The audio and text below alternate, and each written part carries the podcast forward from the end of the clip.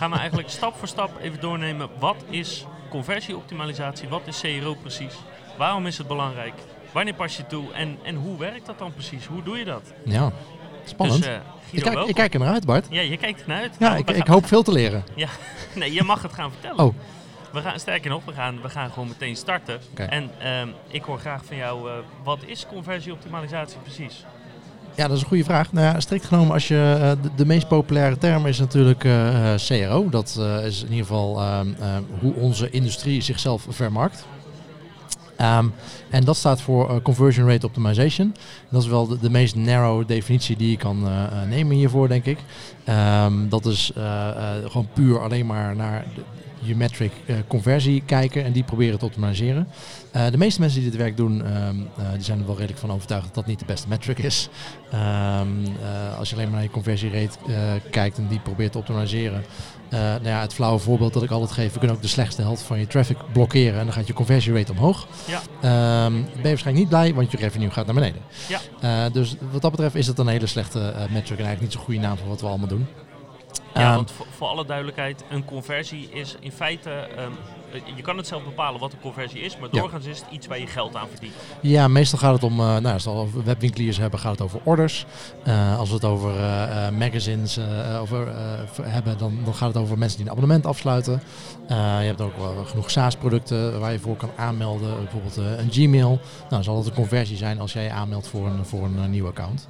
Eh, maar het kan ook zijn dat je, we hebben ook eh, meer micro-conversions. Dan praten we over ehm, iemand die een productpagina bekijkt. Of iemand die wat in zijn mandje stopt. Of iemand die bijvoorbeeld zich inschrijft voor de nieuwsbrief. Ja. Ehm, dat zijn allemaal conversies die, die, die leiden tot, tot jouw uiteindelijke doel. Dus wat belangrijk is, is om te bepalen ehm, eh, waarvoor je het uite- uiteindelijk allemaal doet. Eh, in heel veel gevallen gaat het om eh, eh, nou meer revenue en zoveel mogelijk uit je klant halen. Dat is meestal wel het doel van een CRO-proces.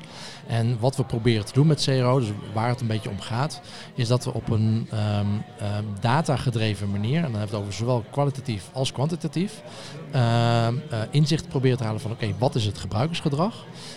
Wat wil die gebruiker nou eigenlijk?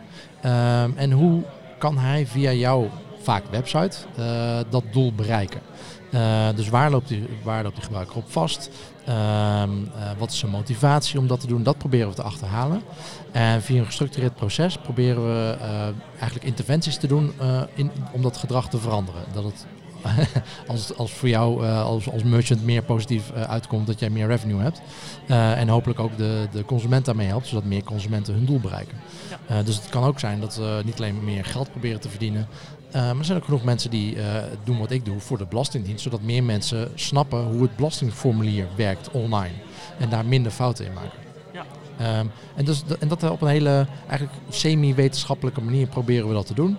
Eh, door experimenten online te zetten, door verschillende variaties online te zetten om te kijken van oké, wat werkt beter voor mensen.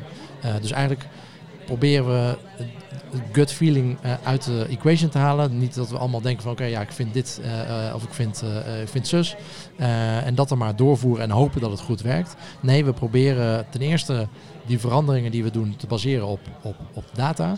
En dan ook, data te gebruiken om te kijken of, het echt beter werkt dan, wat we, ja, dan wat we voorheen hadden. Ja, dus het is eh, in feite het wijzigen van de, van de site of shop doorgaans. En dat kan dus zijn dat je de site of shop wijzigt om die beter in lijn te brengen met wat een bezoeker vindt of denkt. Ja. Maar het kan ook andersom zijn dat je hem wijzigt om ervoor te zorgen dat de bezoeker meer gaat denken wat in lijn ligt met de website of shop. Ja, dat kan ook. Er zijn eigenlijk twee gro- grove dingen die je kan doen qua interventies. Eh, de ene is usability, de andere is persuasion. Eh, je kan de drempels verminderen, zodat eh, mensen eh, meer eh, of, makkelijker is om bepaald gedrag te vertonen. Dus drempels weghalen. Roger Dooley heeft daar een mooi nieuw boek over geschreven, dat heet Friction. Dus al, alle, alle momenten van friction wil je weghalen. Ehm, en hoe makkelijker het is iets, in het algemeen kun je stellen, hoe makkelijker het is om iets te doen, hoe meer mensen dat gedrag gaan vertonen. Eh, de andere helft is eh, de motivatie of persuasion, eh, de mo- motivatie omhoog proberen te krijgen. Van ja, iets kan wel super makkelijk zijn om te doen, maar mensen moeten het nog wel willen. Ehm, dus dat zijn een beetje de twee, twee smaakjes die je hebt in, in, in conversieoptimalisatie. En ja, waarom is CRO belangrijk? Waarom moet iemand er wat eh, om geven? Nou ja, kijk, over het algemeen wil jij iets bereiken met je website. heb je daar een bepaald doel mee. Uh, je wil bepaalde producten verkopen, je wil uh, meer omzet behalen, je wil meer abonnementen, meer nieuwsbrieflezers, meer, of als meer je leads. Meer leads. Of als je een mediabedrijf bent, meer mensen die jouw artikelen lezen. Um, en op, met conversieoptimalisatie kun je, kun je dat inzicht behalen? Of kun je dat doel veel makkelijker bereiken dan dat je ja, met gut feeling allemaal dingen aan het veranderen bent en dan maar hoopt dat het werkt en dan uh, zie je cijfers op en neer gaan en je hebt eigenlijk geen idee waarom. Uh, wij zorgen ervoor uh, jou het inzicht te geven van wat wel werkt en wat niet werkt, zodat jij beter beslissingen kan nemen om je doel te bereiken. Um, wat we zien, conversieoptimalisatie wordt vaak toegepast op een website of op een mobiele app. Um, maar kan veel breder getrokken worden. Je kunt retentie hoort daar ook bij. Dus, dus nadat iemand al iets gekocht heeft bij of al een klant is. En het stuk ervoor hoort er ook bij. wat, je, um, wat je doet om mensen überhaupt op je website te krijgen. Dat zien we heel vaak. Dat er veel geld wordt uitgegeven aan mensen op je website krijgen. En dan maar hopen dat mensen op die website converteren, uh, zonder dat je daar eigenlijk inzicht in hebt. Gelukkig zijn er steeds meer bedrijven die, dat, die dat goed doen. Ehm, en ik neem aan dat daar hier op e-mails en Engage ook wel wat van rondlopen. Ja, precies. ja, want het, het, alternatief van geen CRO beoefenen, zou ik maar zeggen, is, is of ja, dat je dus niks verandert aan je site of shop, waardoor het resultaat wat daaruit komt altijd hetzelfde is. Dus dan kan je alleen maar met je traffic gaan spelen om ja. proberen meer conversies te draaien. Um, en als je nog nooit iets met conversieoptimalisatie hebt gedaan, is je site of shop waarschijnlijk niet optimaal um, nee. qua het converteren van mensen in jouw doel. Nee, en uh, het is ook vaak goedkoper. De euro's die je uitgeeft aan conversieoptimalisatie zijn goedkoper dan de, dan de euro's die je uitgeeft aan, um, aan AdWords bijvoorbeeld, of aan uh, traffic in het algemeen. Omdat um, iets wat je uitgeeft om je website te verbeteren, dat blijft. Als jij je website verbetert, dan is dat een blijvende verandering. En uh, de bezoekers die daarna komen, die hebben daar ook baat bij. Ja. Um, wel een kleine side note, gebru- uh, gebruiksgedrag verandert ook wel over tijd. Maar in het algemeen kun je wel zeggen dat, dat uh, de, de, gebruikers daar baat bij hebben. Meerdere gebruikers daar baat bij hebben. Maar met traffic kopen, ja, als ik morgen stop met, uh, met mijn AdWords inkoop, ben ik al mijn traffic kwijt. Ja. dan heb ik daar niks meer aan. Dus geen lange termijn investering in, in je website. Ja. Dus mijn advies is altijd, zo, zolang AdWords inkopen jou meer oplevert dan dat het kost, vooral blijven doen. Uh, maar besteed minimaal zoveel aan, aan om je website beter te maken. Ja. Dat is een veel betere investering in de lange termijn. Ja, en uiteindelijk komen natuurlijk al je uitingen qua reclame, qua marketing uit op je site of shop doorgaans. Of dat nou gaat om een tv-reclame, ja. of het nou gaat om, om AdWords, e-mail marketing. Ja. Uiteindelijk, ja, bij de meeste bedrijven moeten toch converteren via de site of shop. Tenzij je misschien heel veel winkels hebt, maar zelfs dan gaat nog een groot gedeelte eerst naar de site toe. Ja, en voor veel bedrijven is het wel belangrijk om, om dat soort dingen ook op elkaar af te stemmen. We spraken net iemand uh, over e-mail marketing. Uh, maar dat soort kanalen wil je wel afgestemd hebben op, op nou, wat voor landingspagina's mensen dan, dan zien op een website. Hetzelfde met AdWords trouwens. alle, alle traffickanalen en, en wat er op de website gebeurt, dat wil je op elkaar afstemmen. over het algemeen zorgt dat voor een hogere conversie dan wanneer iemand in een e-mail iets leest over een fantastische campagne. Uh, op een link klikt, komt op een website en die campagne is nergens te vinden. Dat ja. werkt gewoon slechter. Of, of hij ziet er opeens heel anders uit. Of hij is ja, op wat voor manier ook ja. onduidelijker. Ja, ja. Um, wanneer, wanneer pas je het precies toe, CRO? Wanneer ga je met conversieoptimalisatie aan de slag? Ja, nou ja, waar vaak aan gedacht wordt bij CRO is AB-testen.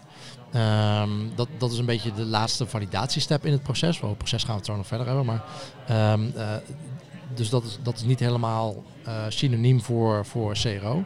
Uh, dit is een belangrijk onderdeel, dat, die validatiestap. Maar als je dat, daar, dat heeft wel bepaalde voorwaarden. Je moet wel een bepaalde hoeveelheid traffic hebben bijvoorbeeld. Een bepaalde hoeveelheid conversies op je website. Wil dat zinnig uh, zijn? Want dat is gewoon pure statistiek. Uh, als jij te weinig traffic hebt, dan kun je niet echt bewijzen dat versie A uh, beter is dan versie B. Ja. Of omgekeerd. Um, dus dan moet je misschien um, uh, moet je zo, zo lang wachten, zo lang zo'n experiment online hebben staan. Um, ja, dat het al helemaal geen zin meer heeft. Uh, want ja, we zijn wel een business aan het runnen. We, zijn, we zitten niet op de universiteit. Dus dat is altijd wel heel, heel we moeten het wel praktisch aanpakken. Uh, moeten wel tempo kunnen maken. Uh, en als je dat, die traffic uh, niet hebt, dan kun je niet AB testen. Maar dat wil niet zeggen dat je helemaal niks aan CRO kan doen. Bij CRO hoort ook gewoon dat, dat gebruikersonderzoek doen waar ik het net over had. Je kan gewoon kijken naar wat, wat er op, de, op jouw website gebeurt. Um, wat voor, waar mensen vandaan komen, wat ze zoeken op jouw website. je kan gewoon gebruikersonderzoek doen. Je kan mensen interviewen. Uh, dat kunnen de mensen op jouw site zijn. Dat kan ook gewoon dat je mensen uitnodigt uh, naar jouw kantoor. Uh, er zijn ook genoeg bureaus die respondenten werven voor onderzoek. je kan gewoon een poll draaien op de website zelf. Je kan een poll draaien op de website. Er zijn heel veel tools zoals, als een Hotjar of Usabilla. dat zijn allemaal tools die je kan gebruiken om informatie te verzamelen. Dus dat is iets wat je sowieso kan doen. Los van of je, nog, of je dat kan valideren met een AB-test. Um, wat, wat een beetje het idee is er is een soort hiërarchie uh, die ook in, in, uh, in de wetenschap gebruikt wordt, een soort van hierarchy of evidence. Uh, wat wil zeggen, dat is, dat, is, een piramide. we kunnen wel een link delen in de show notes daarnaar. Um, en die piramide zegt eigenlijk hoe goed jouw bewijs is um, om, om te zeggen dat, dat iets zo is of niet zo is. helemaal boven in die piramide um, staat dat je meerdere AB-testen doet. Uh, dus op, als je met meerdere AB-testen bewijst dat, dat een bepaalde hypothese uh, werkt, dan is dat bijna je, be je beste bewijs eigenlijk. Ja, dus, dus voor alle duidelijkheid, dus je draait dezelfde AB-test voor hetzelfde ding meerdere keren. Nou, je hoeft niet exact dezelfde AB-test te zijn, maar in ieder geval dezelfde hypothese die je probeert ja. te bewijzen. Dat kun je op meerdere manieren kun je een hypothese testen. Um, maar dat, dat staat bovenaan. Maar dat wil niet zeggen, die piramide heeft heel veel stapjes. Onderaan staat nou ja, een, een expert review. Ja. Hartstikke leuk als je dat uh, kan doen, maar dat is eigenlijk, dat is eigenlijk niks dat qua bewijs, zeg maar. geen andere keuze hebt. Ja, precies. Dat, nou ja, of een soort van begin, zeg maar.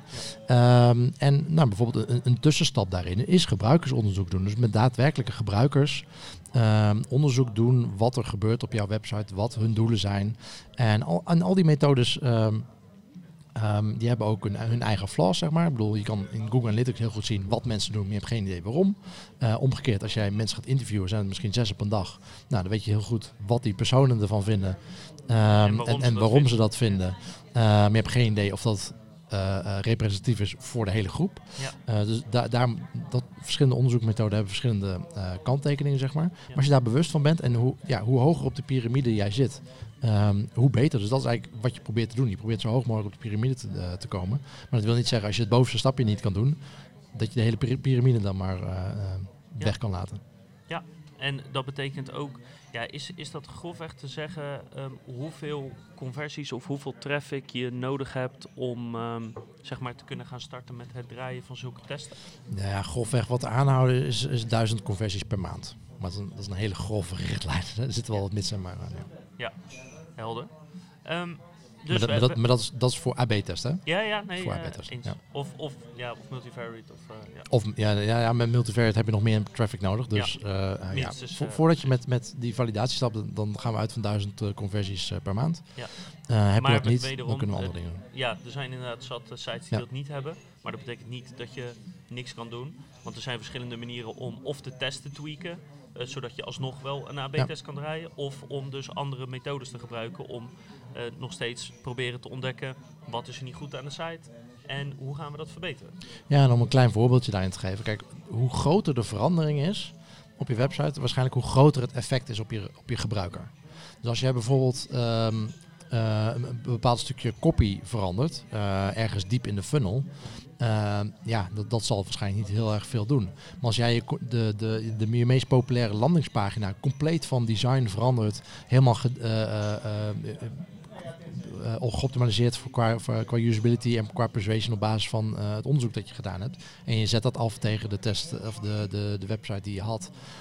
Dikke kans dat dat, dat ja, dat is een, een groot, heeft een grotere kans van slagen, zeg maar. Of in ieder geval dat het iets doet, zeg maar. Ja, uh, of het dan positief uitslaat of negatief uitslaat, ja. dat, dat gaan we dan in een test zien. Ja. Uh, maar de kans is veel groter dan dat het wat doet. Dus, uh, en dat noemen we de effect size van, van zo'n test. En hoe groter de effect size, hoe minder traffic je nodig hebt om iets te bewijzen. Dat, kleine stukje copy ergens achter in je funnel, daar hebben we heel veel traffic voor nodig om dat te bewijzen. Ja. Uh, maar die landingspagina waar iedereen al op komt en waar een, groot verschil, uh, waar een grote interventie heeft plaatsgevonden, een groot verschil, uh, heb je minder traffic voor nodig. Ja, helder. Um, ja, laten we gewoon even het, het proces doorgaan. Dus ja. hoe ziet het conversieoptimalisatieproces eruit? Waar beginnen we? Nou ja, we beginnen, nou ja, eigenlijk voordat we überhaupt het conversie-optimalisatieproces ingaan, moeten we ervoor zorgen dat de data goed is. Ja. Ehm, en dat is eigenlijk een soort van randvoorwaarde voor, voor een CRO-proces. Ehm, als jij, uh, nou, ik, ik, werk voornamelijk met, uh, met e-commerce partijen, dus uh, webshops. Google Enhanced E-commerce um, moet Google Analytics Enhanced E-commerce moet goed ingericht zijn. Je moet wel weten waar, waar je winst zit, waar je revenue zit, welke categorieën, welke producten. Ja. Ja, je moet weten dat wat je ziet klopt. Ja, en, ja, en uh, dus het moet ingericht zijn uh, en het moet inderdaad uh, het moet kloppen. En, maar in het bedrijf moet iedereen het er ook mee eens zijn, zeg maar. Ja. De finance afdeling binnen jouw bedrijf moet het daar ook mee eens zijn. Ja. of, of we moeten weten van oké, het klopt niet, maar het valt binnen een bepaalde foutmarge en dat accepteren we, zeg maar. Ja.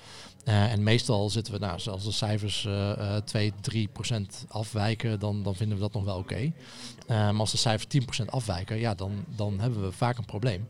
Um, en waarom zeg ik dit? Als jij, als jij AB-testen gaat doen op je website, of wat voor interventies dan ook, um, jij gaat dingen veranderen en dan kom je met een, achteraf met een mooi rapport van, ah, kijk eens wat voor gave, gave dingen ik, ik heb gedaan. En we hebben zoveel meer omzet gehaald nou, deze maand. En vervolgens kijkt finance in de boeken en zegt van... Uh, nou, waar dan? Waar dan? ja. We zien het niet. En dat is dan die 10% foutmarge die... Uh, nou ja, misschien... Ja, ik weet niet waar het dan ligt dan. Maar uh, je moet wel op de een of andere manier met elkaar afspreken van... Oké, okay, um, uh, dit, is, dit is wat het werk dat we doen. dit is de cijfers die we bij, daarbij hanteren. En da wij moeten daarop kunnen sturen. Kijk, als, als je, jij stuurt op die data. als jij die data niet kan vertrouwen... of iedereen achteraf zegt van... Ja, maar en dan met een hele rits aan redenen komt waarom jouw data niet klopt. Ja, dan ben je... Ben had je net goed niet kunnen doen. Dat had je net ja. goed niet kunnen doen.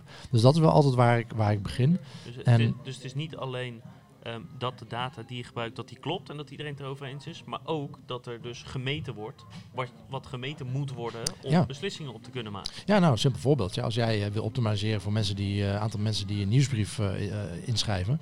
Ja, dan moet je wel in Google Analytics, of wat jouw tool ook is, meestal Google Analytics, kunnen meten hoeveel mensen dat überhaupt doen. Ja, ja. ja en eventueel bijvoorbeeld uh, hoeveel mensen schrijven zich weer uit binnen 30 dagen. Dat is bijvoorbeeld een getal wat je ook mee zou willen nemen. Ja. En, en kloppen die cijfers dus? Zie je dat ook terug in jouw mailingtool? Kloppen die cijfers dan? Want het gebeurt ook vaak zo dat er op een bevestigingspagina...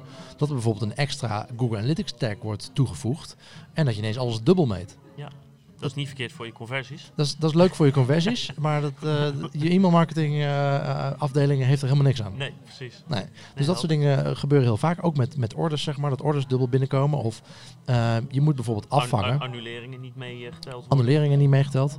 Um, maar dat, dat um, uh, een, een orderbevestigingspagina. Uh, nou, die zie je. Je hebt een order gedaan, uh, geplaatst op een website. Je krijgt een bevestigingspagina. op die pagina wordt Google Analytics getriggerd van... hé, hey, er is, heeft een order plaatsgevonden. Er zijn bedrijven die diezelfde URL... Nou, sowieso, ten eerste heb je al consumenten die die pagina openhouden... en af en toe refreshen. Tot net zolang dat ze die order binnen hebben. Om als een soort van bewijs... Vaak staat er ook een, een tracking link op die pagina. Ja. Vinden dat fijn om dat open te houden. Um, en dan refresh je die pagina wordt Google Analytics opnieuw getriggerd. Ja. Dat wil je niet, dat moet je afvangen. En sterker nog, er zijn sommige bedrijven uh, die, die, die die exacte link in hun e-mailmarketing, in, een in de orderbevestiging, e-mailen naar iemand. Dus iemand klikt daar weer op, komt weer op dezelfde pagina, triggert wederom Google. Dus zo kun je best orders hebben die gewoon uh, uh, tien, keer, tien keer in je boeken staan. Ja, um, ja dat, dat soort dingen moet je echt uitsluiten voordat je hiermee aan, de, aan, de, aan de gang gaat. Ja, helder, datakwaliteit, cruciaal. Ja, datakwaliteit is cruciaal. En uh, ja, ik heb, ik heb vaak bij, bij wat grotere bedrijven zijn we gewoon eerst drie maanden bezig. Als we met een CRO-programma uh, bezig gaan, gaan, zijn we eerst drie maanden bezig om die datakwaliteit uh, goed te checken en op orde te krijgen. Met finance of, of BI af te stemmen. Van zijn jullie het hiermee eens? Ja. klopt dit? valt het binnen de foutmarge die we met elkaar afspreken? Ja. Um, ja, en dat betekent dus echt, een gedeelte ervan is echt letterlijk, dit zien we in Google Analytics, we gaan naar de finance, klopt het volgens jullie? We gaan Ja. naar de orderverwerkers, krijgen jullie inderdaad net zoveel orders binnen? Dus vanuit verschillende databonnen kijken, Ja. komt dit overeen met elkaar? En eh, kijk, soms heb je het niet altijd. En eh, het liefst wil je natuurlijk op, eh, op winst kunnen sturen. Of geval wil je die informatie eh, beschikbaar hebben in Google Analytics. Dat is niet altijd zo. Maar dan moet je een bepaalde ehm, ehm, sleutel afspreken met BI. Van oké, eh, wat is jullie winstmarge normaal gesproken? Eh, stel dat dat uh, nou 30% is. Kunnen we dat, eh, kunnen we dat zo doen? En zeggen van oké, we gaan ervan uit dat dat eh, voor elk product 30% winst is. Prima. dan, dan weten we wat we daarvoor kunnen gebruiken in onze, onze berekening. Ja, duidelijk. En ik heb ook nog, nou, daarnaast heb ik ook nog een hele waslijst aan vragen. Volgens mij is het inmiddels een, een, een vraaglijst van 150 items. Oké. voordat, voordat ik bij een nieuwe klant begin. Ja, precies. En dat zijn, dat zijn nou, onder andere dit soort dingen, maar vooral ook dingen om erachter te komen van wat is eigenlijk het doel van je conversieoptimalisatie? Mm -hmm. wat, hoe, hoe sluit het aan bij je bedrijfsstrategie? Ja, want logischerwijs zegt iedereen meer. Dat ja, dus, uh, ja maar meer van wat? nou, ja, heel, heel, heel makkelijk voorbeeldje. Uh, misschien hebben we het de vorige keer zelfs al over gehad. Um, is dat wij, um, uh, stel je hebt een bedrijf in meerdere landen, uh, maar in het ene land ben jij de marktleider, in het andere land ben jij de challenger. In het land waar jij marktleider bent, nee, je bent marktleider, dus waarschijnlijk wil je gewoon op profit sturen. Je wil gewoon zoveel mogelijk winst. Ja. In het land waar jij challenger bent, uh, wil je marktaandeel winnen. en misschien wil je daar zelfs wel een bepaalde prijs voor betalen. Misschien zeg je van nou de komende vijf jaar hoeven we eigenlijk geen winst te draaien. Moeten we of, kunnen we kiet draaien? Ja, kiet of, of, zoveel uh, in het verlies. Ja, of zoveel verlies. We hebben daar geld voor over. We willen dan investeren om, om marktaandeel in het land te kopen. Um, dat is een hele andere strategie. Wil jij, wil jij op order sturen of wil je op, op, uh, puur op, uh, um, ja, op die winst sturen? Ja. Um, dus dat, dat, wil je, dat zijn dingen die je wel van tevoren wil weten. En daarnaast zitten er in die vragenlijst allemaal dingen zoals dat ik wil weten in het proces wie er uh, verantwoordelijk is voor uh, deployments bijvoorbeeld. Wie, wat, wat, is een deployment? Nou ja, wanneer er een nieuwe versie van een website live gezet wordt. Ja. Waar, van wie ben ik afhankelijk om mijn werk te kunnen doen? Ja. ja. dat wil ik weten. want ik ben wel, ja, dat, dat, is ook bij heel veel conversieteams natuurlijk zo. Precies, dus je stelt altijd heel veel vragen voordat jullie aan de slag gaan. En daar zijn klanten ook heel blij mee, of niet? Uh, nou ja, voor sommigen, uh, nou ja, het is verbazingwekkend hoeveel uh, klanten dus moeite hebben om die vragenlijst in te vullen. En dat, dat um, zeker ook de teams waar ik mee werk, zijn vaak de e-commerce teams. die dan eigenlijk niet zo'n heel goed beeld hebben um, van, de, van de KPI's die ze, waar ze eigenlijk bedrijfsbreed op zouden moeten sturen, zeg maar. Iedereen heeft natuurlijk zijn eigen KPI's, maar dat sluit niet altijd even strak aan bij de, bij de overkoepelende doelen. En soms zijn ze ook uh, tegenstrijdig. Uh, soms dat ook bewust. Maar um, uh, ja, bijvoorbeeld dat, dat um, de traffic teams alleen maar als KPI hebben om zoveel mogelijk traffic naar die site te sturen. Ja, dat is niet altijd de beste KPI natuurlijk hebben. Om, om gewoon maar te kijken naar, naar de hoeveelheid traffic. Ja. Ja, want hoeveelheid traffic genereren is over het algemeen niet zo ingewikkeld. Als je toch niet gestuurd wordt op omzet of zo. Precies. Is het gewoon pompen. Ja. Ja. Duidelijk. En dat werkt niet altijd. Dus dat, dat zijn wel goede dingen om, om van tevoren uh, uh, na te gaan. En voor mij ook een soort manier om, om klanten te filteren, zeg maar. Van, uh, het is gewoon een soort basis voor. Als als, je, als je geen goed antwoord weet op dat soort vragen. van wat je strategie is, wat je lange termijn doelen zijn. En hoe je daar kan komen. Wat belangrijk is voor jou als bedrijf. Wat voor belangrijk is voor verschillende onderdelen. Waar we het net over hadden met. Je, je, kan of een challenger zijn of, of misschien marktleider zijn. Dat, dat brengt verschillende strategieën en verschillende tactieken met zich mee als je, daar, als je het niet goed weet, dan, dan kan een CRO-team ook niet echt zijn werk doen, zeg maar. Um, en zowel intern als extern. Hè. Ik bedoel, ik, ik, ik fungeer vaak meer als een soort van coach uh, voor, het, voor het interne CRO-team. Um, um, en, en probeer hun te helpen om dit, dit soort dingen bij het bedrijf duidelijk te maken. Ja, helder. dus datakwaliteit die hebben we gedaan. Ja, dat is een soort randvoorwaarde, zeg maar. Daar, daar moeten we mee beginnen. Um, uh, als, dat, als dat al helemaal uh, picobello in orde is, ja, dan hoeven we daar weinig aan te doen. Uh, maar in de praktijk blijkt dat we daar vaak wel eventjes nog mee bezig zijn. Ja. ja. En dan? En dan, ja, wat we, nou ja, wat we uh, parallel daaraan uh, ook al kunnen al opstarten meteen, is gewoon het gebruikersonderzoek doen. Um, voor, voor, nou, in Google Analytics, als die data op orde is, kunnen we daar al naar gaan kijken. We kunnen de funnels uh, gaan bekijken. Um, wat, wat versta je precies onder bekijken? Um, nou ja, inloggen in Google Analytics. een beetje uh, rondkijken, rapporten aanmaken die, uh, die relevant uh, zijn voor je. En kijken of je al wat opvallend gedrag ziet. Vooral, nou ja, wat ik zei, ik zit vaak bij e-commerce. Vooral in die aankoopfunnel is het goed om daar te kijken wat daar allemaal gebeurt. En of, daar, of daar grote drop-offs zijn van de ene stap op de andere stap. Nou, dan kan het al een hint zijn dat mensen Um, uh, daar nou ja, niet aan hun, dat er niet aan hun verwachtingen voldaan wordt. Dus dat we daar uh, moet, op moeten inzoomen. En, de, en de funnel is in dit geval dan vaak uh, winkelmandje, checkout proces stappen, bedankpagina bijvoorbeeld. Klopt, Uh, okay. Zeg die, die aankoopfunnel en, en bij, hele, bij, ja, bij webshops is dat eigenlijk vrij simpel wat die funnel is. Uh, je gaat inderdaad, uh, er, is, er is vaak een landingspagina. Uh, dat, is, dat is dan vaak of een categoriepagina of een productdetailpagina al. Van daaruit naar, de, naar het winkelmandje. Dan moet je ehm, vaak je, je, je, gegevens invullen van ehm, waar moet het naartoe. wie is degene die het bestelt. Je betaalgegevens. En een bedankpagina. Ja. Dat, dat, is meestal de funnel. Dat is vrij ja. simpel. Ja. En nou, afhankelijk van de website is het meerdere stappen opgedeeld, dus daar kunnen we naar kijken. Uh, en dat geeft dan uh, meteen dan wat input uh, voor het gebruikersonderzoek wat we gaan doen. Dus we gaan of um, zaken instellen uh, op de website, zoals, zoals een hotjar, om te kijken wat, wat mensen doen. Uh, of daadwerkelijk gebruikersonderzoek inplannen, als in uh, één op één mensen cases voorleggen of interviewen of dat soort dingen doen. en dan kun je dat soort informatie dan meteen meenemen. Van, um, um, ja, je hoeft niet per se te vragen, maar je kan mensen meteen door zo'n funnel laten sturen met, door, met een fake aankoop, door een fake aankoop te laten doen. Ja. Of een echte aankoop, als je, dat kan ook natuurlijk. Um, als je daar het uh, budget de vrijheid voor hebt. Um, en als ze dat dan uh, doen, dan kun je meteen bij die stap waar je in Google Analytics al ziet van hé, hey, daar, gaat, daar gaat meestal wat mis. Kijken of je tijdens een gebruikersonderzoek al kan achterhalen van oké, wat, wat zijn de eerste hints uh, van waarom dat, dat in zou zitten. Uh, dus dat gebruik en dat kun, zei, dat kun je gewoon parallel opstarten aan dat je de datakwaliteit omhoog probeert te krijgen van, van Google Analytics uh, uh, vaak. Dat soort systemen. En gebruiksonderzoek staat daar los van. Dus dat kun je gewoon opstarten, mee aan de slag gaan, gebruikers interviewen. Dat is, dat is nog best wel een kunst om gebruikers interviewen. Dat is, dat is wel een, een vak apart. je moet proberen zo neutraal mogelijk te zijn. Je moet open vragen stellen. Um, en het is lastig voor iemand die de website zelf gebouwd heeft om, om die interviews te doen. Ja. Dus bijvoorbeeld laat je dat aan iemand anders doen. Of wat misschien makkelijker is, is gewoon een case uitschrijven.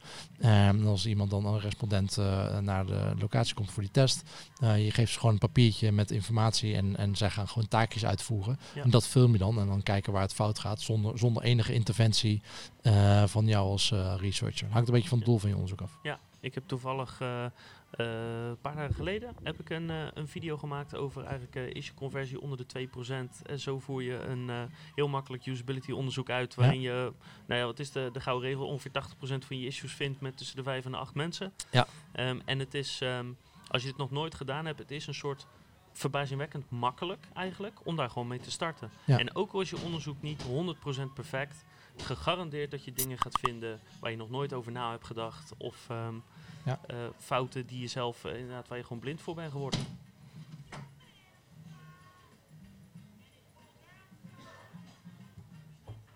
Zo, even mijn geluidjes eruit ge, uitgezet. Knippen we dat er mooi uit.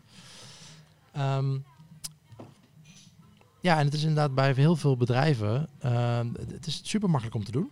Ja. Maar het verbaast me inderdaad hoe weinig bedrijven dat eigenlijk ja. uh, op regelmatige basis doen. En um, ja, um, bij de, bij de Unconference, vorige keer bij Online Dialog, uh, was er ook iemand die zei van joh, als je nou echt geen budget bijvoorbeeld krijgt vanuit het bedrijf zelf ja. en je wilt toch bewijzen dat het werkt, pak je laptop, Ga, ga, naar buiten en spreek gewoon willekeurig mensen aan en vraag of ze je even 10 minuten willen helpen. Zo, ja. zo simpel zou het al kunnen zijn om mee te starten. Ja, en uh, super waardevolle inzichten die je daaruit uh, uit kan halen. En uh, maar waar, waar, we net al kort over hadden, um, met Google Analytics weet je precies wat mensen doen, maar niet waarom. Uh, en met gebruikersonderzoek weet je heel goed waarom mensen doen, maar je weet niet of dat representatief is voor de rest. En zo moet je het ook, ook benaderen, zeg maar. Het is niet de waarheid die je dan ineens uh, boven, boven haalt met alleen maar Google Analytics of alleen maar een hotjar of alleen maar zo'n gebruikersonderzoek doen. Ja. Je moet het allemaal zien als input uh, voor een hogere stap, om, om hoger in die, in die, in die, in die piramide te komen. Ja. En dat te informeren. En, en het, het doel is informatie verzamelen, zodat je je kans zo groot mogelijk maakt. dat, je, dat je zinvolle AB-testen gaat maken, zinvolle interventies doet en dat je hypotheses kan ontwikkelen. Um, op basis van, van het gedrag uh, dat je ziet. Dus ja, als, als vier mensen ontzettend klagen over die productpagina, um, moet je dan die productpagina aanpassen? Ja, misschien wel, misschien niet. Uh, dat weet ik niet. Dat is geen gegeven, zeg maar. Ja. Uh, het kan ook zijn dat de verwachtingen die daarvoor gewekt worden, compleet verkeerd zijn. Ja, Misschien dus moet je daar wel wat aanpassen. Een, een heel praktisch voorbeeld uh, van, uh, van die triangulatie van, van data, dus verschillende bronnen die ja. eigenlijk hetzelfde probleem doen, is bijvoorbeeld, stel dat je in Google Analytics um, je checkout proces meet en je ziet dat bij een bepaald veld dat heel veel mensen afhaken of het niet invullen of het verkeerde invullen. En vervolgens nodig je een aantal mensen uit uh, op kantoor. En daar, die laat je ook het proces doorlopen. En dan zie je precies hetzelfde dat ze bij dat vakje vastlopen, beginnen te schelden tegen het scherm aan of, uh, of wat dan ook. Nou, dan heb je al twee verschillende datapunten die eigenlijk hetzelfde zeggen. Met dat vakje uh, is een probleem. Ja, je bent gewoon als, als detective aan het werken en je bent bewijs aan het verzamelen, zeg maar. Ja. Um, en nou ja, dan kom je meteen inderdaad mooi. Je hebt triage en triangulation, dat is een, soort van volgende stap. Um, en prioritisering komt er ook bij kijken. Dat, dat is de stap waarin je al dat soort data verzamelt verzamelt en dan ga kijken van je, je proberen uh, connecting the dots zeg maar. Dat je verschillende datapunten probeert te verzamelen, probeer aan elkaar probeert te koppelen, kijken wat er nog, um, wat er nog ontbreekt. Moet je nog vervolgonderzoek doen of heb je al genoeg om, om hypotheses te bouwen? En um, nou ja, dan kun je, daar komen vaak verschillende hypotheses uit. Een hypothese is gewoon Um, een idee dat jij hebt waar, uh, waarvan je denkt van nou ja, dat, dat als we dat gaan aanpassen, dan, dan uh, zal er gedragsverandering plaatsvinden van mijn uh, klant. Ja. Um, en daar zullen er ook meerdere van zijn. En die wil je prioriteren. je wil gaan kijken voor even waar, waar denk ik de meeste kans te hebben dat er een verbetering gaat plaatsvinden in het, in het, in het gedrag. Um, op basis weer van die data, dus niet zozeer van jouw gut feeling, maar op basis van de data die je verzameld hebt, uh, probeer die prioritering te plaats, plaats te laten vinden. En uh, er zijn verschillende prioriteringsmodellen uh, voor. Um, en daarna ga je, ga je experimenten uitvoeren. Ja, dus dat betekent dat je in feite een. nou ja, je, ja, dus je gaat een hypothese op, opstellen. Um, uit mijn hoofd gezegd begint een hypothese altijd met één woord. Uh, elke zin begint met één woord, Bart. Nee. je hebt gelijk. Nee, met, het, met hetzelfde woord, toch? Uh, als ik het goed zeg, dan hoort uh, elke hypothese te beginnen uit mijn hoofd met welke. Um, nou ja, er zijn, er zijn heel veel verschillende. Als je, als je online zoekt van hoe moet een hypothese eruit zien, dan zijn er heel veel verschillende manieren. Je kunt er gewoon een invuloefening van maken, inderdaad. Ja. Um, waar, het, waar het om gaat is dat jij um, uh, daarin verwerkt. Uh, van waarom denk je dat dit zo is? Wat denk je uh, dat het, wat voor gedrag gaat er veranderen? En wat voor impact heeft dat dan op jouw business? Uh, dat, dat zijn in ieder geval de elementen die je, uh, die je moet veranderen. En uh, welke volgorde je dat dan verwerkt, dat maakt mij niet zo heel veel uit. Okay, ja, maar we gebruiken inderdaad wel vaak een, een vast termijn ervoor voor het team. Zodat, zodat je wel elke keer eenzelfde soort vraagstelling hebt, dezelfde ja. soort hypothese hebt. dat werkt wel goed inderdaad. Ja. En een hypothese in ons voorbeeld zou dan kunnen zijn, um, op het moment dat we dit veld verwijderen uit het checkout proces, dan verwachten we dat uh, het conversiepercentage stijgt, omdat er minder frictie zit in het Precies. formulier. Ja, en die omdat is een hele belangrijke. Uh, want dan weet je ook uh, waarom iets werkt, zeg maar. Of tenminste, met één test weet je dat eigenlijk nog steeds niet natuurlijk. Want misschien verbetert er iets, misschien verbetert het niet iets. Dat wil niet zeggen dat de CEO hypothese goed of slecht is. Daar heb je wel vaak meerdere testen voor nodig. Um,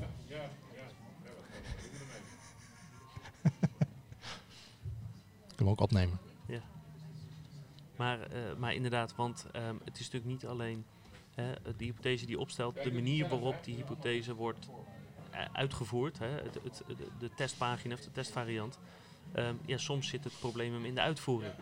Ja, dat kan heel goed. Een, een slechte uitvoering van een goede hypothese of een goede uitvoering van een, uh, van een slechte hypothese, dat maakt nogal een verschil. Ja. En, en soms is een uitvoering niet per se slecht, maar is het gewoon dat het op een bepaalde manier wel werkt en met een andere manier niet. En dat ja. is soms heel moeilijk om precies vast te stellen. Ja, dat maakt het werk wel lastig. Ja. maar dat klopt, ja. De, hypotheses uh, uh, opstellen is een kunst en, en dat vertalen naar een goede variant is, is zeker ook een kunst. Ja. ja. Helder. Um, dus dan hebben we die hypothese en dan gaan we die testen. Uh, hoe, hoe, doen we dat? Welke, welke ja, nou ja, uh, prioriteren zitten er nog Sorry, ja, tussen waar we het net over hadden. Ja. Um, uh, ja, er zijn verschillende modellen voor. we hebben het onder andere het PI-model is een veel gebruikte. het, het PXL-model, het prioritiseringsmodel van Conversion XL is een, is een populaire. Um, dat is degene, meestal degene die ik gebruik, een soort van aangepaste versie daarvan. En wat hij eigenlijk doet is, is, is kijkt ja, hoe sterk is jouw bewijs? Waar komt het vandaan? Uh, en ook een belangrijk onderdeel daarvan is hoe makkelijk is het voor jou om in te voeren. Heel plat gezegd, is, iets kan wel een bepaald effect hebben. Stel, stel je hebt twee hypotheses en je verwacht dat het effect een verbetering is van, van 10% voor beide hypotheses. Ehm, dan kan het alsnog zijn dat voor de ene hypothese, om dat, om dat door te voeren uiteindelijk, of, of om die test te maken, uh, dat voor de ene hypothese jouw development team vijf dagen nodig, uh, nodig heeft en de andere vijf weken. Ja, nou ja, dan komt degene die vijf dagen is, die komt natuurlijk bovenaan staan. Dat is veel makkelijker uh, door, te, door te voeren. Dus daar helpt zo'n prioritiseringsmodel helpt jou in beslissingen nemen van waarom je een bepaalde test eerst doet voor, voordat je een andere doet. En uh, dat helpt ook als je dat van tevoren opstelt, helpt het ook heel erg om uh, naar je manager uit te leggen of naar je team uit te leggen waarom je iets doet. Ja. want er zijn natuurlijk genoeg mensen, hopelijk binnen jouw organisatie, die ideeën hebben voor verbetering. en die willen dat graag natuurlijk dat jij dat gaat testen, ja. hopelijk. Um, maar dan, um, om die teleurstelling te voorkomen, moet je ze ook duidelijk kunnen maken van oké, ja, maar jouw test staat nog wat lager op de lijst. om X, Y, Z, whatever de reden. Um, leuk dat je dit bedacht hebt, maar ten eerste, uh, het wordt niet echt ondersteund door voorgaand onderzoek. Dus dat moeten we of eerst gaan verzamelen, of uh, ga zelf terug naar de tekentafel. Zeg ons waarom je denkt dat dit uh, echt een verbetering gaat zijn. Um, we hebben hier nog niet genoeg bewijs voor. of het bewijs is er wel, maar het is iets dat gewoon een half jaar duurt. Ja. Of, of um, uh, het kan ook zijn natuurlijk dat, dat gewoon bepaalde bedrijfsonderdelen, bepaalde functionaliteiten, dat je nu al weet dat die uitgefaseerd gaan worden. Ja, dan gaan we daar niet ja. Gaat dat niet verder optimaliseren vaak. En, uh, en kijk, je kan zo'n prioriteringsmodel uitbreiden naar, om hem iets wat aan te passen aan je organisatie. Uh, ik weet dat sommige organisaties bijvoorbeeld um, bij het potentieel uitvoeren van de test, maar ook bij de implementatie, mocht het kloppen, dat ze dan um, zo goed mogelijk beschrijven van oké, okay, hoeveel tijd vraagt dat van de developers, hoeveel tijd vraagt dat van de designers, hoeveel tijd vraagt dat van bepaalde onderdelen van het bedrijf. Ja. Zodat ze ook kunnen kijken van ja, uh, dit is misschien wel een relatief eenvoudig iets om te implementeren. Maar het vraagt wel 20 uur van developers. En dat hebben we momenteel gewoon niet. Hè, dus dat kan ook een reden zijn om een test lager op de prioriteitenlijst te zetten. Op een bepaald moment bijvoorbeeld. Ja. Ja. je wilt tempo blijven maken natuurlijk. Dus, dus ja, als je alleen maar testen hebt uh, waarvan het een jaar duurt om ze te implementeren, ja, dan ga je weinig effect uh, boeken. Ja, zeker. dus zo kan je als organisatie uh, een, een standaard model pakken. Maar de meeste organisaties passen dat dan aan naar wat voor hun praktisch is. Ja, want er zijn natuurlijk genoeg bedrijven uh, de, de, die heel verschillend zijn in, in hun opzet. Kijk, als jij een bedrijf bent met heel veel development capaciteit, ja, dan is dat niet zo'n grote bottleneck. Zeg maar. Als iets vijf weken duurt of tien weken. Um, um, uh, je, ja, tien weken, als in een aantal uren zeg maar, dat, dat iets duurt, zeg maar. Ja. ja dan kun je gewoon meer developers opzetten. Dan gaat het sneller, want die heb je ook. Ja. Um, als jij ontzettend krap zit in je developers, ja, dan moet, dan moet dat veel zwaarder wegen in jouw prioriteitenmodel. Ja. Is dat een veel, veel zwaardere factor. En um, um, gaat die test gewoon veel sneller lager ja. op die lijst als dat, als dat een factor is. En dan zal je misschien meer testen gaan draaien die uh, copywriting uh, Ja, en, en je kan dus zo'n prioriteitenmodel kun je ook aanpassen op basis van voorgaande experimenten. Dus als jij ziet dat, dat uh, testen in een bepaalde, op een bepaalde, nou, als je meerdere URL's hebt, dat testen op in een bepaalde URL meer effect hebben, uh, bepaalde domeinnamen meer effect hebben, of dat testen uh, in een bepaalde, bepaald, voor een bepaald klantsegment, die hebben traditioneel gezien heel veel effect op de een of andere manier. Uh, dan kun je dat in dat prioriteitenmodel ver, verwerpen. Kun je een soort bias in je prioriteitenmodel werken. Dus om, om er uh, om de kans te vergroten dat, dat jouw uh, test uh, succesvol is. Ja, en dat je daarmee ja, sneller meer, meer doelen bereikt of, ja. of, sneller je doel bereikt. Ja. ja. Helder. ja, en de volgende stap is inderdaad, nou, als je dat allemaal gedaan hebt, dan heb je een mooi lijstje met, met prioriteiten. dan heb je eigenlijk een soort van je to-do-list. Ja, ja, simpel gezegd. Ja. Um, ja, en dan, de, dan gaan we dus inderdaad over naar het testen. Met de, de, degene die bovenaan de prioriteitenlijst staat, die gaan we als eerst testen. Ja. Um, wat is dat precies? Ja, het, testen wil gewoon zeggen het, live zetten van jouw experiment. Um, en dat experiment moet dus gebouwd worden. Dus gewoon een verandering op de website. Uh, meestal uh, doe je dat via een, uh, via een AB-testing tool. Um, dat, dat, dat kan Optimizely, Convert, VWO of je kan het gewoon direct in je tag manager kun je het vaak ook doen. Of nou, Google Optimize heb je standaard. Um, en daarmee ga je interventies um, online plaatsen. je gaat verschillende varianten plaatsen. Een AB-test is dus eigenlijk verschillende varianten op je van je website maken, maken, waarvan A de standaard variant is wat jij nu al op de website hebt. B is een aangepaste variant. En ja, we noemen het vaak een AB-test. Uh, wat we daarmee vaak bedoelen is gewoon een eendimensionale test. Dus het kan variant A, B, C, D, E, whatever zijn. Dus ja, je kan zes verschillende varianten tegelijk online hebben. Precies. Als je genoeg verkeer hebt, genoeg conversies hebt, dat je het allemaal kan testen, ja. dan kan het. Uh, dan kan het gewoon. Uh, dat is dan eendimensionaal. Je kan ook uh, multidimensionaal testen. Dat heet een multivariate-test. Dus dan, nou, om het even makkelijk te maken, stel, stel het is altijd een beetje een flauw voorbeeld, maar we gaan de kleur van een knop, of we gaan een knop testen. Uh, als je alleen maar de kleur aanpast, dat is een eendimensionale test. En je kan natuurlijk heel veel verschillende kleuren hebben, maar het is nog steeds eendimensionaal, want je test alleen maar op de dimensie kleur. Uh, voeg je daar een dimensie aan toe, bijvoorbeeld de knopgrootte. Uh, of de tekst die op de knop staat, dan worden het uh, meerdere dimensies. Ja. En dan kun je dus ook uh, interacties gaan zien tussen, tussen bijvoorbeeld de, de, de grootte van de knop en de, de kleur van de knop. Misschien werkt een kleine groene knop wel en een grote rode knop. Ja. Ik noem maar wat. Um, het is een makkelijk voorbeeld, maar het is, het is eigenlijk niet zo'n goed voorbeeld. Je moet, waarschijnlijk moet je niet je, de kleur van je knop Ja, gaan testen. ja. Dat is waarschijnlijk niet het eerste wat je moet gaan doen. Laten we dat voorop zetten. Maar het is een ma- makkelijk voorbeeld om het, uh, om het even het concept uit te leggen. Ja. Um, Er zijn dus wel belangrijke verschillen. Als je een AB-test doet, dan verander je maar één element, één dimensie. Dus dan kan je altijd met zekerheid zeggen, uh, dat is het verschil geweest. Uh, op het moment dat je een, een multivariate test draait, dan verander je meerdere dingen. En dan kan je dus nooit zeggen van nou dat ene ding is de oorzaak van de verandering. Want het is het geheel van wijzigingen. Wat ja, het gaat om, gaat om de interactie tussen de, tussen de Ja. verschillende elementen inderdaad. Um, dus, dus, um, maar voor een business maakt het niet uit natuurlijk. Nee. Het gaat erom wat werkt het best voor mij en Nou, voor mijn klanten. Maar wel dat je qua uh, dat je begrijpt van oké, wat is waarom heeft dit nu gewerkt? Ja. Uh, dat kan je niet eenduidig naar één ding toepassen. Nee, ja, nou, ja, tenzij je een hypothese hebt specifiek voor die combinatie. Dat kan Ja. natuurlijk. Maar wat er inderdaad meestal gebeurt, is dat je een hypothe je, meeste hypotheses zijn eendimensionaal. Ja. Um, en als je dan inderdaad dat uh, meerdere hypotheses gaat testen in, in één experiment, dat is sowieso al gevaarlijk natuurlijk. um, maar dan heb je, je, hebt, ja, je hebt heel snel heel veel varianten. Dus ten eerste, uh, uh, heel praktisch is dat vaak een probleem met je traffic. Ja. Dus voor de meeste partijen zijn grote multivariate testen gewoon niet van toepassing, omdat dat uh, te veel traffic vraagt. Um, maar ten tweede is inderdaad uh, ook de vraag van inderdaad dan van oké, okay, ja, waar ligt het dan aan? Geen idee eigenlijk. Ja. Maar dat kan weer mooi input zijn voor een vervolgtest. Ja. Dus dan weet je wel in ieder geval, oké, okay, ik heb de website verbeterd, we maken meer geld. Ja, precies. en laten we, laten we proberen uit te vogelen waarom dat zo is. Ja, en het kan uh, nog zelfs zo zijn dat als je, hè, laten we bij die knop houden, dat je een AB-test draait waarin je de tekst verandert en dat het niks doet. Dat je een AB-test draait dat je de kleur verandert, dat het niks doet. Maar als je die samen uh, wijzigt, dat het wel wat doet. En dat kan je, daar kan je alleen maar achter komen met een multivariate test. Ja, het zou, nou ja, in jouw geval kun je bijvoorbeeld uh, de hypothese hebben dat, dat ten eerste, uh, of een gecombineerd probleem zeg maar, dat ten eerste de knop valt niet op.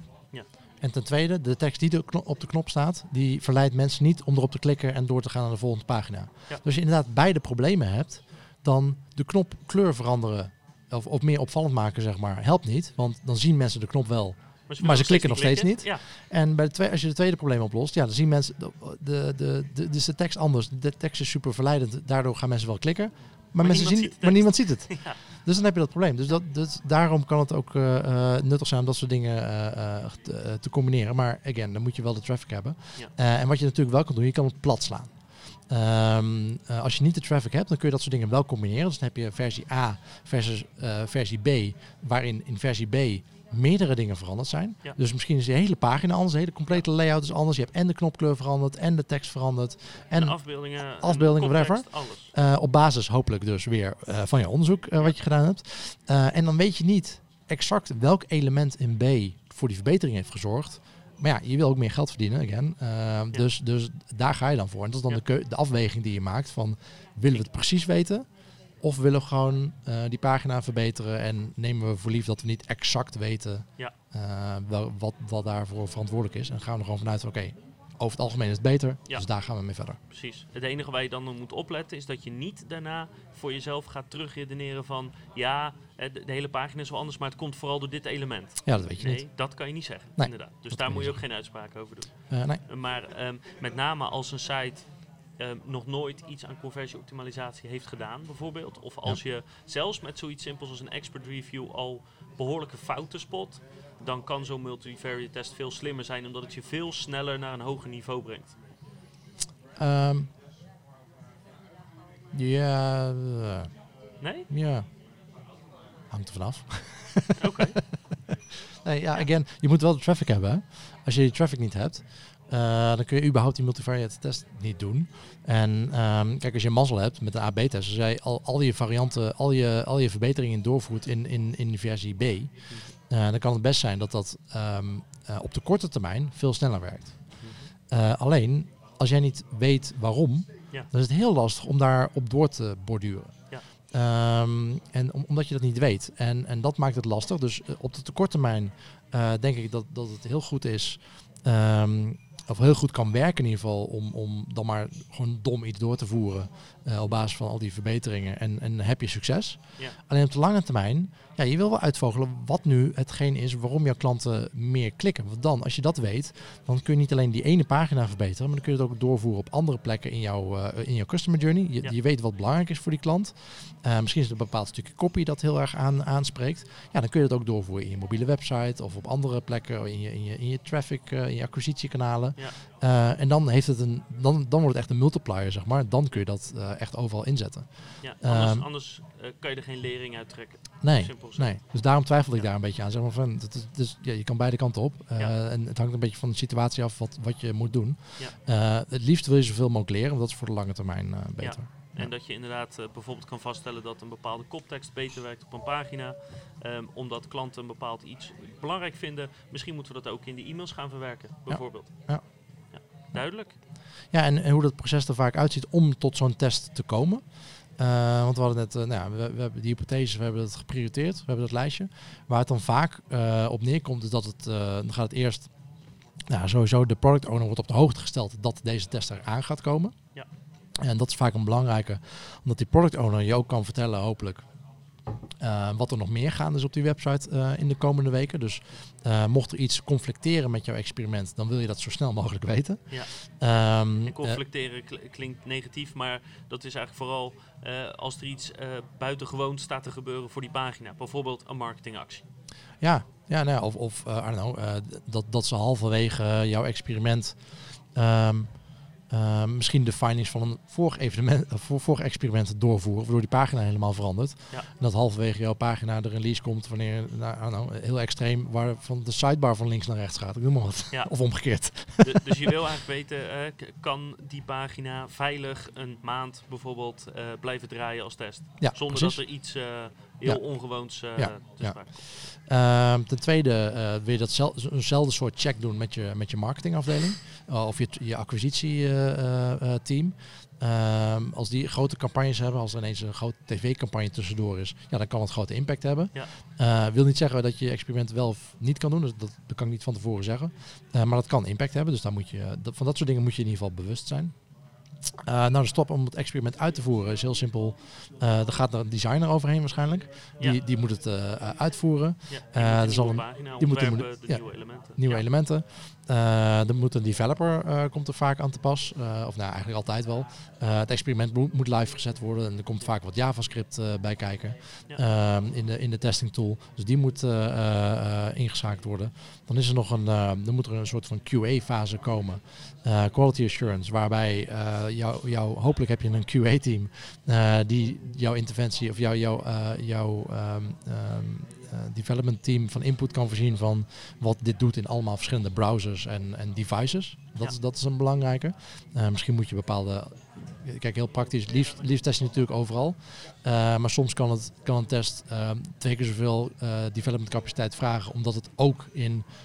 Nou ja, laten we eh, Internet Explorer er maar Ja, bij halen. Internet Explorer, ja. Internet, eh, mocht je niet zo bekend zijn met CRO, Internet Explorer is echt een drama doorgaans voor alle vormen van experimenten. Ja, De nou ja. meeste sluiten Internet Explorer gewoon standaard uit van Ja. testen. Ja, kijk, ja, het liefst wil je dat natuurlijk niet. Je wil eigenlijk Ja. iedereen erbij halen en dan Ja. achteraf kijken van oké, wat was het effect in de verschillende browsers. Ja. Maar ja, als het echt drie keer zoveel tijd kost om voor Internet Explorer iets live te zetten en dat is maar een superklein deel van jouw eh, doelgroep, Ja. ja, dan moet je gewoon ook praktische beslissingen nemen en dan sluit je dat uit voor een test. Maar de QA kijkt dus naar of, eh, jouw ge- jouw gewenste interventie uh, ook zo, zo uh, voorkomt, overkomt op verschillende devices. Of dat ook gewoon technisch goed werkt. Ja. dat is een belangrijke stap. Um, ja, en dan gaat het vaak terug naar de product owner voor nog een laatste check van kan die live. Ja. het live gaan, ehm, dat, nou, dat, dat bepaal je ook van tevoren. Uh, dat is iets wat we ook in de show notes kunnen, wel kunnen, een linkje naar kunnen plaatsen. Maar uh, nou, we hadden het net al even over hoeveel traffic heb je eigenlijk nodig om een test live te zetten. Dan gingen, ja. zeiden we uh, duizend conversies per maand. voor zo'n experiment wil je ook van tevoren bepalen van ja, hoeveel traffic heb ik nodig.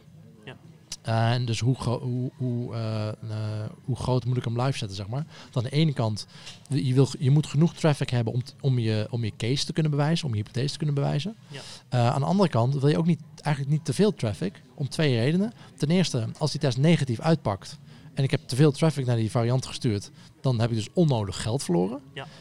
Um, en ten tweede, als ik een test op 100% live staat en ik, ik heb eigenlijk op 50% al genoeg traffic, dat wil dus zeggen dat ik nog 50% traffic over heb voor een ander experiment. Dus dat is dan uh, een zonde van je, van je testcapaciteit. dus dat zijn eigenlijk de twee belangrijkste redenen om, om die testcapaciteit van tevoren uit te rekenen. Ja. Um, en zo calculators, er zijn verschillende calculators, uh, zullen we naar, uh, naar linken in de, in de show notes. En dat kun je dat van tevoren doen. En dat, dat is trouwens ook iets, een, een, een soort filterstap, um, daar hebben we net even niet over gehad, maar die, die in, in net voor prioriteren ook, die ook plaatsvindt, zeg maar. Als je een experiment hebt dat je misschien wil doen dat waar, waar je überhaupt te weinig traffic voor hebt, zeg maar, dan valt hij daar in die stap ook af. Ja, ja en tijdens deze stap, of je zou hem ook iets, iets eerder kunnen trekken, um, heb je meestal ook dat je een aantal factoren opschrijft waar je de test, als die eenmaal draait, op wil blijven controleren. Uh, dus bijvoorbeeld uh, dat het niet zo is dat, um, dat bijvoorbeeld op een site standaard is dat Google Chrome 50% beter converteert dan Firefox bijvoorbeeld. En dat, dat je dus achteraf in je test wel gaat controleren dat allebei de testvarianten ongeveer evenveel bezoekers hebben vanuit een bepaalde browser. Ja. Want anders ja, is het niet eerlijk. Um, en zo kunnen er verschillende factoren zijn. Dat kan je hebben over je browsers, over je devices. Dat zijn gewoon hele bekende. Um, het, maar het kan ook liggen aan de regio uh, waar bezoekers vandaan komen. Dus, dus letterlijk waar ze wonen. Zeker als het gaat om, om een uh, site die lokaal is. Of als je iets als auto hebt die heel veel vestigingen bijvoorbeeld heeft, kan dat een impact hebben. Dus dat is iets wat moeilijk uh, te bepalen is nu hier hè, voor ons. Om je even een lijstje te geven met waar moet je op letten. Maar het is goed dat je belangrijk, of het is belangrijk dat je van tevoren nadenkt van wat voor soort dingen kunnen een hele grote impact hebben op de test.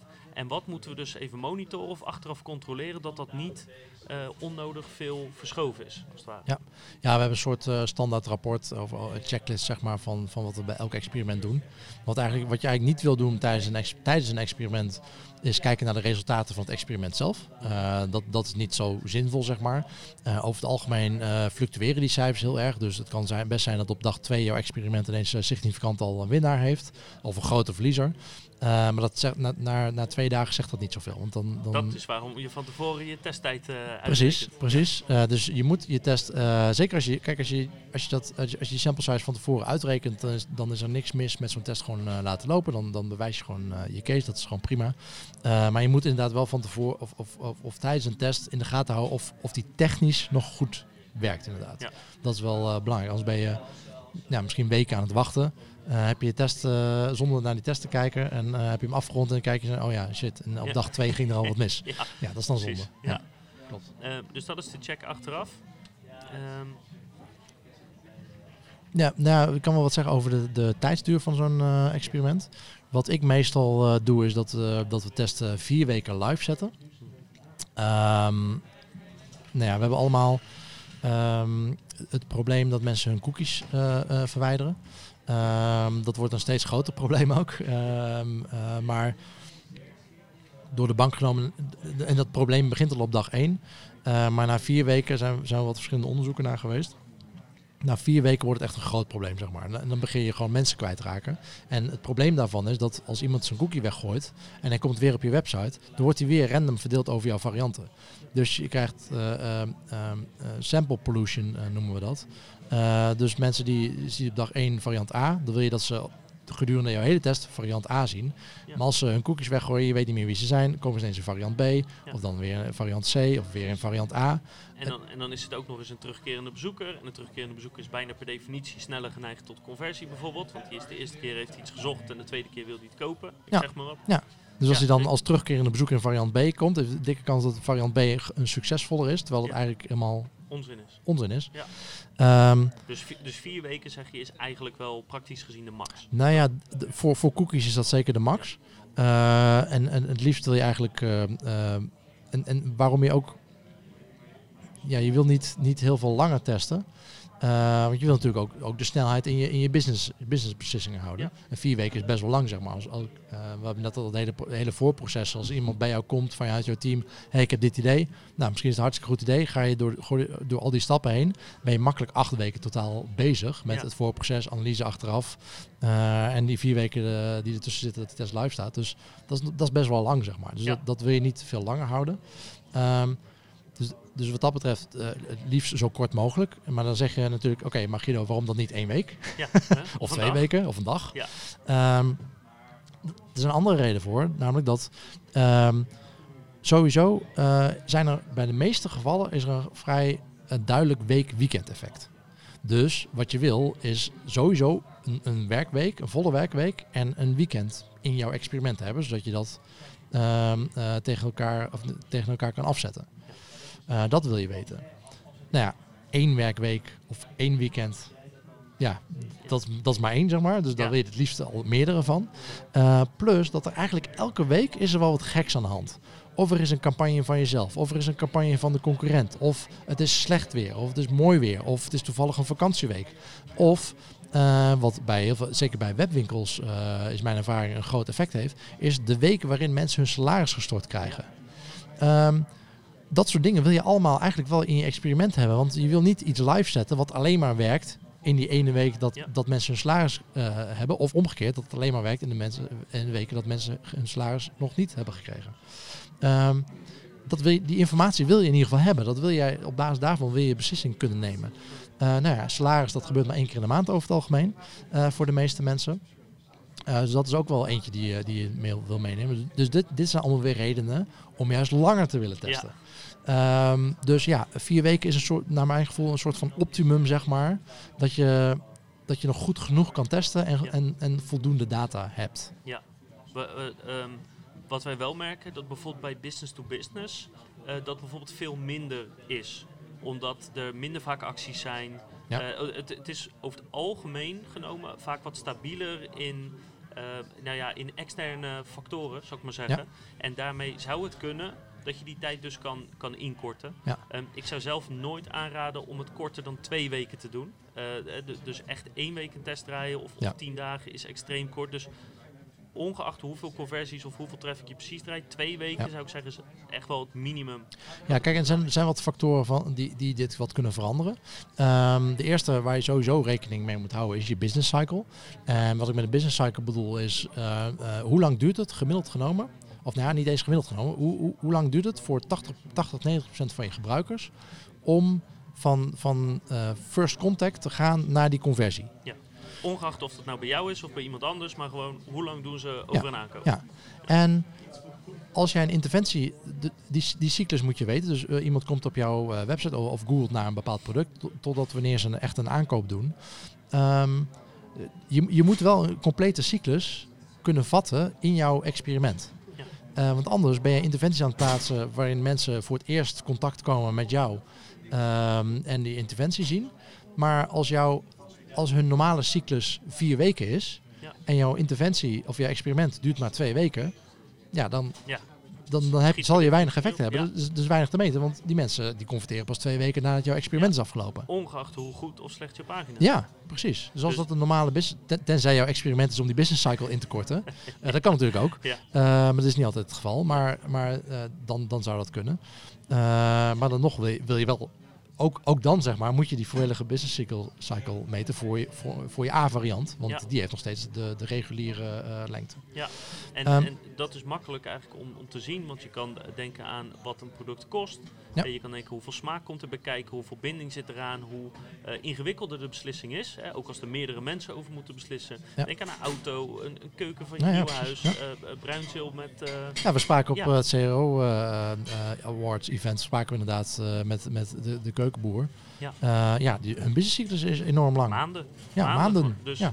Dat is super lastig. dus dat is heel belangrijk om rekening mee te houden. Nou, en wat een andere factor kan zijn is, nou, je noemt al B2B. Eh, die mensen zijn vaak ingelogd. Dus heb je het hele cookie probleem niet. Ja.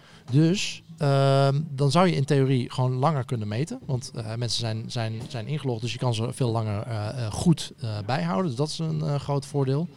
Ehm, plus, ehm, en dat, dat gaat eigenlijk weer de andere kant op, bij B2B. ehm, de mensen hebben vaak een contract met jou. Ze moeten bij jou kopen. De medewerkers die hebben vaak geen vrije keus. Ja, en ze Om- hebben ook gewoon spullen nodig. En ze hebben spullen nodig. Dus, dus die business cycle is juist vaak heel klein. Eh, de business cycle om, om bij jou te, als, als klant te worden, die is vaak heel lang. Ja. Dat, dat kan echt maanden of jaren duren. Eh, maar voor die medewerkers om dan, nou ja, stel eh, je bent leverancier van, van drukwerk. ehm, en, ze, en, en volgende week hebben ze weer een evenement. Ja, dan, dan gaan ze nu bij jou Ja. kopen. Want ze hebben een contract met jou om drukwerk bij jou af te nemen. Whatever eh, dat drukwerk voor is. Ja. Dus die, die cycli zijn dan weer vaak vrij kort. Dus dat is, ja. Dus ja, wederom, het hangt ervan af.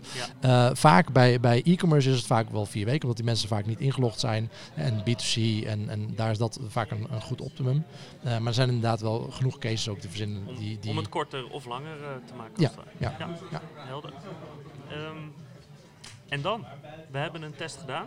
ja, we hebben een test gedaan. Daar nou, als, iets uit. Laten we, laten we even uitgaan van een winnaar. Dat zou mooi zijn. oh ja. nou ja, ehm, als je daarvan uitgaat, kan het wel eens tegenvallen, eh, Bart. In de meeste gevallen doet een test namelijk of niets, Ja. of is het iets negatiefs. Ja.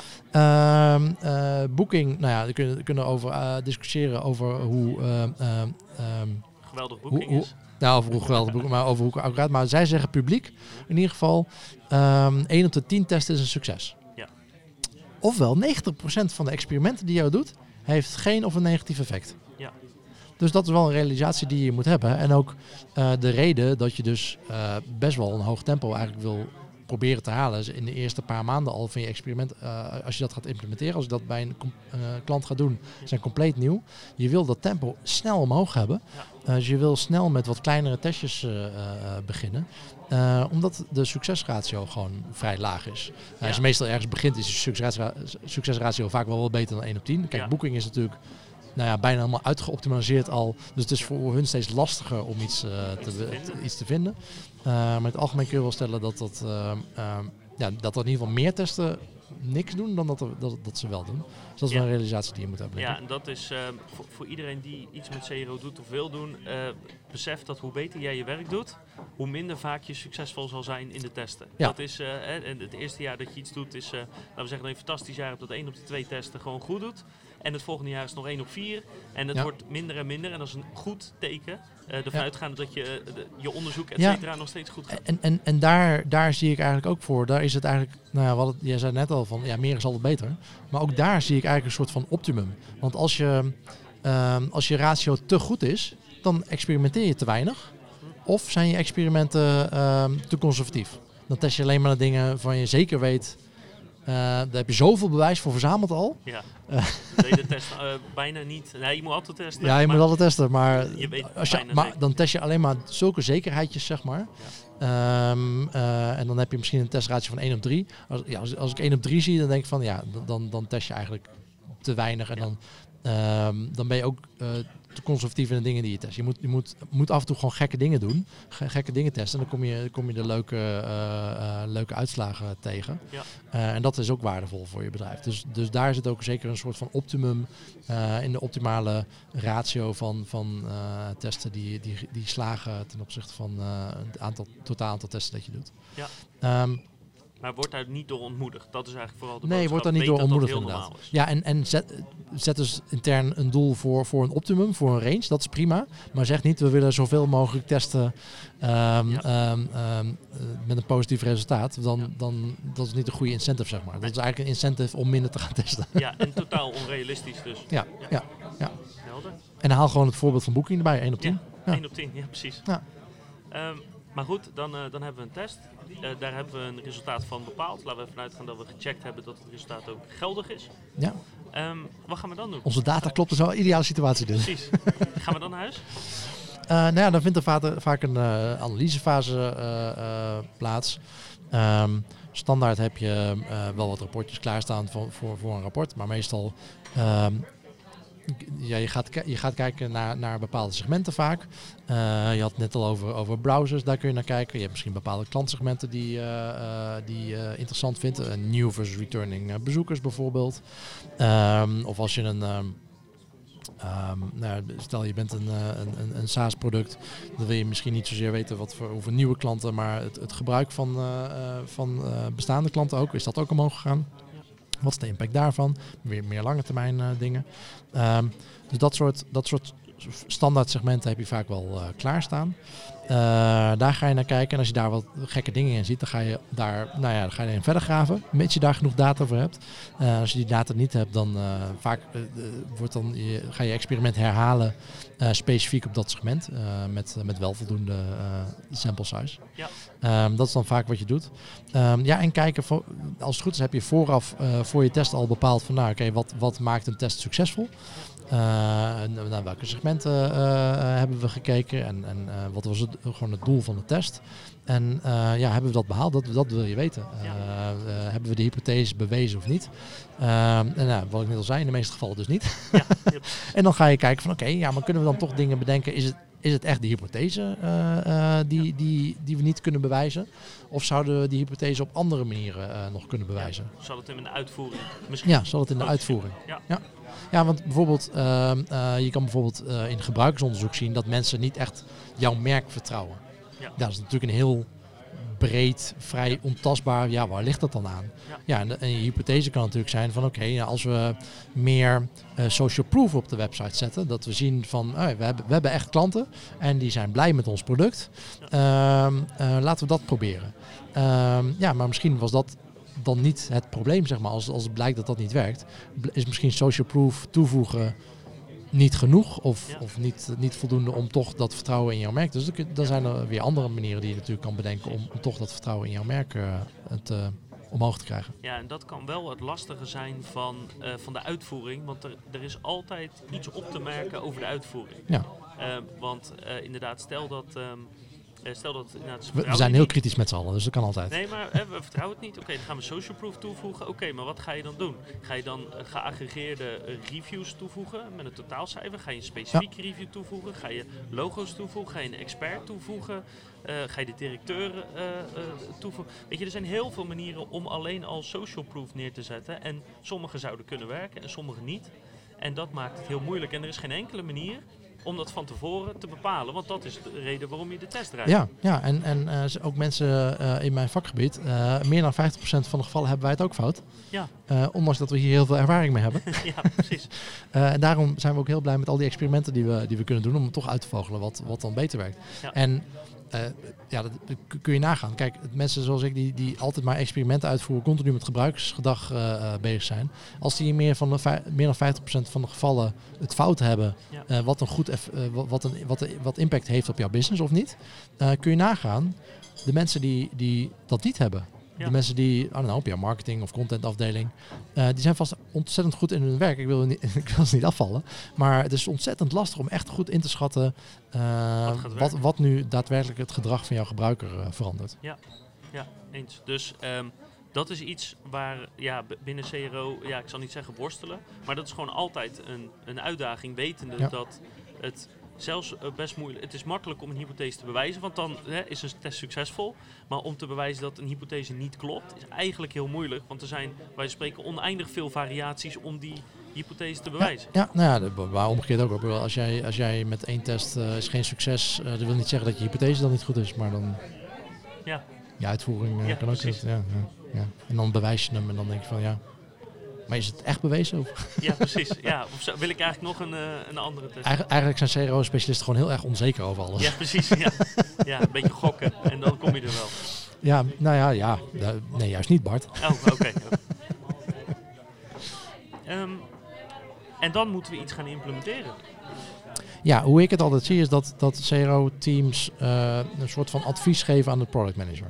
Eh, dus de, de, het CRO-team heeft niet het eindoordeel over moet iets doorgevoerd worden of niet. Eh, want het CRO-team, nou, on- Is ondanks veel te onzeker daarover. Ja, ook dat. Nou, maar ook, ook met, met ehm, ehm, de verantwoordelijkheid en, en ook de, de, de, de overal kennis om iets door te voeren ligt naar mijn idee altijd bij de product owner. Ondanks mijn vragenlijst van 150 eh, Ja. items, ehm, is toch die. ehm, ehm, is het niet aan het CRO-team om, om iets door te voeren? Vind ik. Dan bijvoorbeeld dat we, dat we, dat we net aan, eh, aanhaalden met eh, je bent of challenger of je bent marktleider. En en alle, alle strategische beslissingen die daar omheen vallen. Eh, het is goed voor het CRO-team om daarover geïnformeerd eh, te, te zijn en op die manier eh, hun, hun experimenten te sturen. Maar die verantwoordelijkheid ligt naar mijn idee bij de product owner. Ja. Dus die moet beslissen van gaan we dit inderdaad doorvoeren? Is dit inderdaad goed voor, sluit het aan bij onze strategie? Is dit goed voor ons merk bijvoorbeeld? Merk is een ontzettend lastig iets voor, voor CRO-specialisten om te testen. Sowieso hebben we altijd eh, eh, een, een clash wel met het, met het brandteam eh, en of het designteam van hoe iets, er, hoe iets eruit moet zien. Maar brand is een veel... Dat is heel lastig om dat met een experiment vast te stellen. Wat is de impact op jouw brand met het experiment? Ja, geen idee. Ik weet dat de conversie omla- omhoog gaat. of gelijk blijft. Eh, maar misschien heeft het wel een negatieve impact op je brand eigenlijk. Ja, lange Ehm, termijn. eh, lange dat- termijn. Dat, dat je bijvoorbeeld een experiment live zet waarvan mensen eigenlijk niet zo gecharmeerd zijn. Eh, maar ze kennen jou al langer, ze zijn al langer klant voor jou, dus ze kopen wel maar vandaag, want ze hebben iets nodig. Ehm, maar als je dat continu hun blijft teleurstellen in de manier waarop jij met ze communiceert, heeft dat misschien vandaag geen effect en in die vier weken die je test geen effect, maar op lange termijn wel. Eh, en dat is super lastig om dat, dat echt met een experiment vast te stellen. Ja, want het is niet Ehm, te kwantificeren. Nee, Het is ehm, enigszins op gevoel is het. Ja, en, en dat is wel een beslissing die, die, die eigenlijk een product owner zou moeten nemen. Van oké, ja, we gaan er wel voor of we gaan er niet voor. Ehm, het is natuurlijk wel zo, als jij continu met experimenten aantoont dat brand bijvoorbeeld niet aansluit bij wat er op de website gebeurt. Ja. eh, ja, op een gegeven moment moet je wel een gesprek gaan voeren van hé, hey, eh, wat zijn we nu eigenlijk aan het doen? Ja, precies. Klopt dit. Ja. Eh, maar, maar van experiment tot experiment is naar mijn idee gewoon een product owner die daar een beslissing over neemt. Ja, en dat kan, merk is dan een voorbeeld, maar het kan natuurlijk ook met bepaalde marketingcampagnes te maken hebben. Of met, er zijn heel veel andere factoren dan dat experiment die reden kunnen zijn Ja, om het of niet te implementeren of niet nu te implementeren. Ja, ja of, nou, of die development van het, van het experiment zelf ging wel redelijk snel. Maar om het echt goed te implementeren in de website heb je misschien wel een paar maanden development nodig. Ja. ja eh, ik als CRO kan daar niet, geen oordeel over geven of dat belangrijker is of on- eh, minder belangrijk dan de rest wat er op de eh, eh, product teams eh, eh, backlog staat. Ja. Dat Ja. zou nu. Helder. Ehm, en als het dan, eh, laten we ervan uitgaan dat het op een bepaald moment geïmplementeerd is. Ja. Eh, conversie is, is, is blijvend omhoog gegaan, hè? Dus, Yes. dus, eh, helemaal goed. Iedereen is Oh. blij. En dan? Zijn we dan Champagne. Ja, champagne. of kinderlimonade. In de, in de meeste gevallen leidt een, leidt een experiment toch wel tot meer experimenten. Ook als hij succesvol is, eh, dan wil je dat toch wel nog een keer op andere manieren checken. Van, eh, je wilt het eh, ook uitbuiten, zeg maar. Van oké, ja, het werkt succesvol op die pagina voor dat segment. Ja. Maar hey, werkt het dan misschien ook niet in andere gevallen? Of in de- Ja. op de mobiele website of op andere pagina's. Eh, hier werkt Social Proof heel goed. Moeten we misschien ook op de homepage doen? Of moeten we dat in de checkout nog een keer herhalen? Of moeten we dat in e-mail marketing ook gaan doen? Eh, als, je, als je zoiets vindt, ja, dan wil je dat uitbuiten. Dus, dus meestal leidt dat wel tot meer, meerdere experimenten. En omgekeerd ook, als het, als het niet werkt, dan denk je vaak van ja, maar shit, we hadden toch... Die hypothese is gebaseerd op een bepaalde, eh, bepaalde data, kwalitatief of kwantitatief. Eh, we zien gebruiksgedrag dat ons heeft eh, doen denken dat dit zou moeten werken. Ja. Dus waarom werkt het dan niet? Ja. En dan wil je dat uitvogelen. Ja. Dus over het algemeen is het een soort van cascading effect. Dat je, Meer vragen dan antwoorden hebben. ja, bijna altijd Zelfs wel. op basis van een experiment. En die verwerk je vervolgens natuurlijk weer in in, je, in je hele cyclus. Hè, van, is er onderzoek voor? zo ja, kunnen we het prioriteren? Ja. Et. Ja, en eigenlijk zo'n experiment dat je hebt uitgevoerd, is eigenlijk weer één zo'n bewijsfactor, zeg maar, die, eh, die je in je hele ehm, ehm, backlog aan eh, ideeën eh, toe kan voegen. Van hé, hey, dit hebben we gezien. Eh, op een andere mooi. pagina werkt een het in andere pagina, wel, ja. of in een andere Ja. productcategorie. Of, eh, Ja. ja. En dan begin je weer van vooraf aan. Eh, onder andere, nou ja, dat ligt er een beetje aan of je gaat weer beginnen met de onderzoeksfase, omdat er meer onderzoek nodig is. Ja. Maar in principe ga je terug naar je prioriteitenlijst en dan ga je naar nummertje 2 en dan ga je kijken, oké, kunnen we dit gaan draaien of Precies. niet? Eh, en eh, weer aan de slag.